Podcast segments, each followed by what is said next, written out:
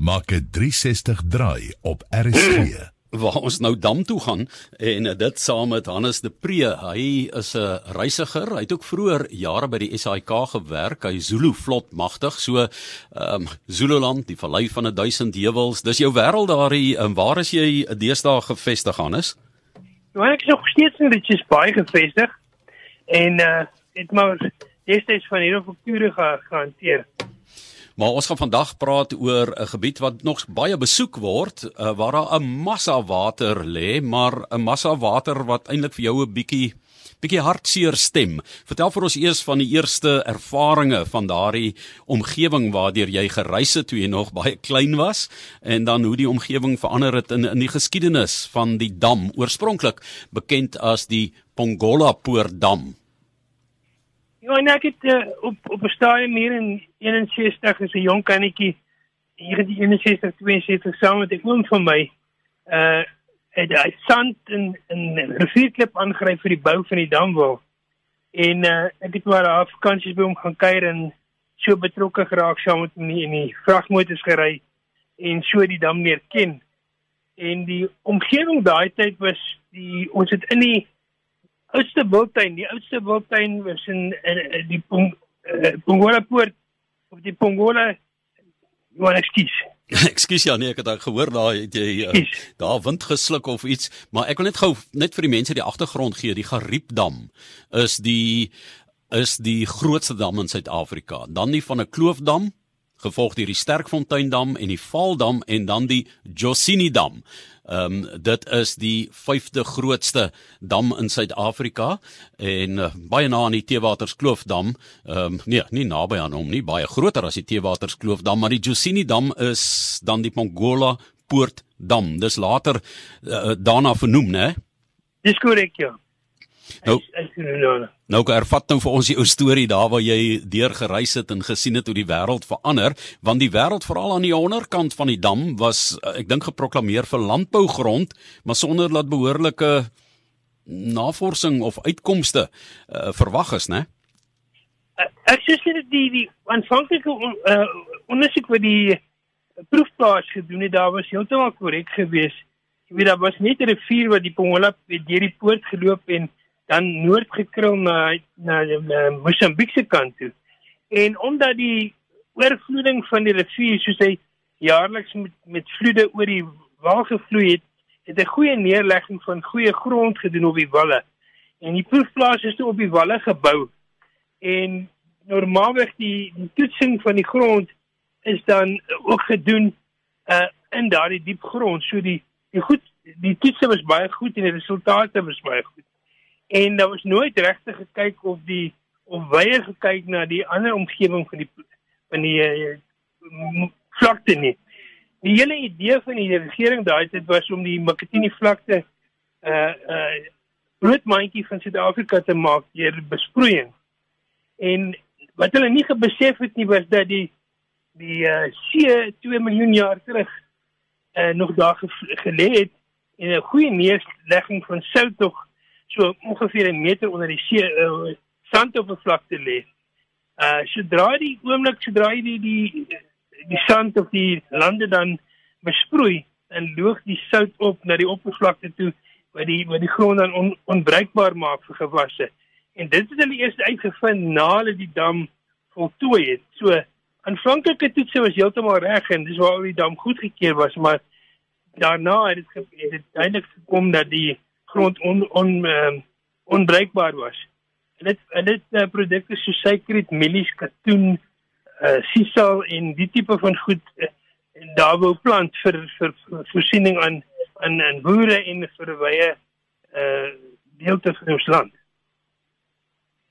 En ek wil ook vir jou 'n bietjie vra anders oor dan ehm um, jy weet hoe groot daardie dam is. Geef ons 'n bietjie statistiek dat ons en is dit nou nuttelose water wat daar lê? Ek ek bedoel behalwe vir toerisme wat nou wonderlik is om seker om die dam 'n bietjie te kan ry en te kan kamp en op die op die op die dam dalk vis te vang of so, maar is dit nou 'n wit olifant?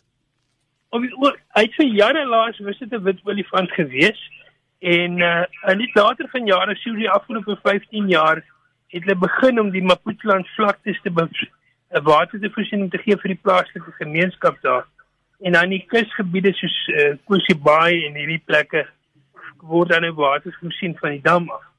Maar uh, as die dam vol is op sy volle vlakte, dan is dit beslaan 'n area van 13 vierkante kilometer. En uh, wat 'n redelike groot gebied is en en jy weet die sy volume is is uh, 2.4 miljoen megaliter water wat hom dan die vyfde grootste dam en die grootste dam in KwaZulu-Natal maak. En die die Gariep dam is 5,3, 5,4, né, megaliter nee, net om perspektief te gee. 5,3 uh, ja, megaliter. Maar ek glo vir 3.1 en dan Sterkfontein ook 'n dam in, in wat so in Natal, die grens van Natal lê, is 2.6 en die Valdam is 2.6. So die Josini is net 'n bietjie kleiner as die Valdam. Wat beteken die woord Josini? daar is dit nog nie regtig Johan nou sit nog nie uh, regtig die woord kan ontleed in Zulu waaroor die woord nie bestaan nie ek ek sal eerlikwaar nie vir jou kan sê nie ek het 'n bietjie navorsing gedoen en maar ek het nog nie regte op die regte antwoord uitgekom nie. Yes. Nou, ehm um, vertel vir 'n bietjie vir die mense waar as jy nou daar gaan reis, uh, waarheen kan jy reis en hoe kan jy hierdie dam sien en die damwal beleef? As jy van as jy van die Transvaal af kom en jy hier jy sien nie gery af deur Pongola gery het en jy gaan dan om die dam en jy draai van die N2 af na na die kus toe en ry jy so op die oewer van die dam as jy die eh uh, die Bomboberg uitklim dan sien jy hom eintlik baie mooi en jy ry dan ook al met die uh, Pongola poortlands tot jy oor die wal éventueel ry dan kus toe eh uh, Kusi Bay toe in hierdie plekke toe uh, jy kan hom van dan van die N2 af sien en dan as jy kus toe gaan ry ook landsom Maar as jy verbygaan uh, syde te Durban se kant toe, dan ry jy net suiwer op die N2 by hom verby, maar jy kan hom vir baie groot gedeelte sien. En en in Damwal, hoe groot is die Damwal? Die Damwal is is is, is interessant is op bykans op dieselfde manier as die Katsi Dam gebou vir mense wat al daar was.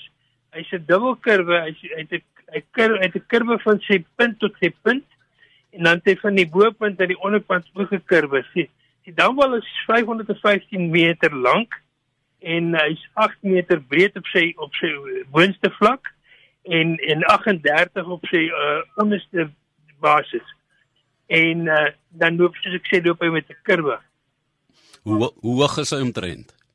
Hy's 89 meter hoog. Goed so. Want sê ja, die, die wateroppervlakte as dit dan vol is is 144 meter bo seevlak en net vir interessant hierdie Makatini vlakte, die hele vlakte van van die dam af tot by die kus is is lyk as baie min meer hoër as 100 meter bo seevlak wat dan die area baie geskik gemaak het vir landbouverbouing soos hulle destyds gedink het. Anders is die dam meestal volle rug. Ek weet dit is in 1972 voltooi, maar hy het die eerste keer oorgeloop in Maart 1997. Maar wanneer jy daar verby gereis het, is daar 'n uh, gewone gesonde volume water in die Josini dam.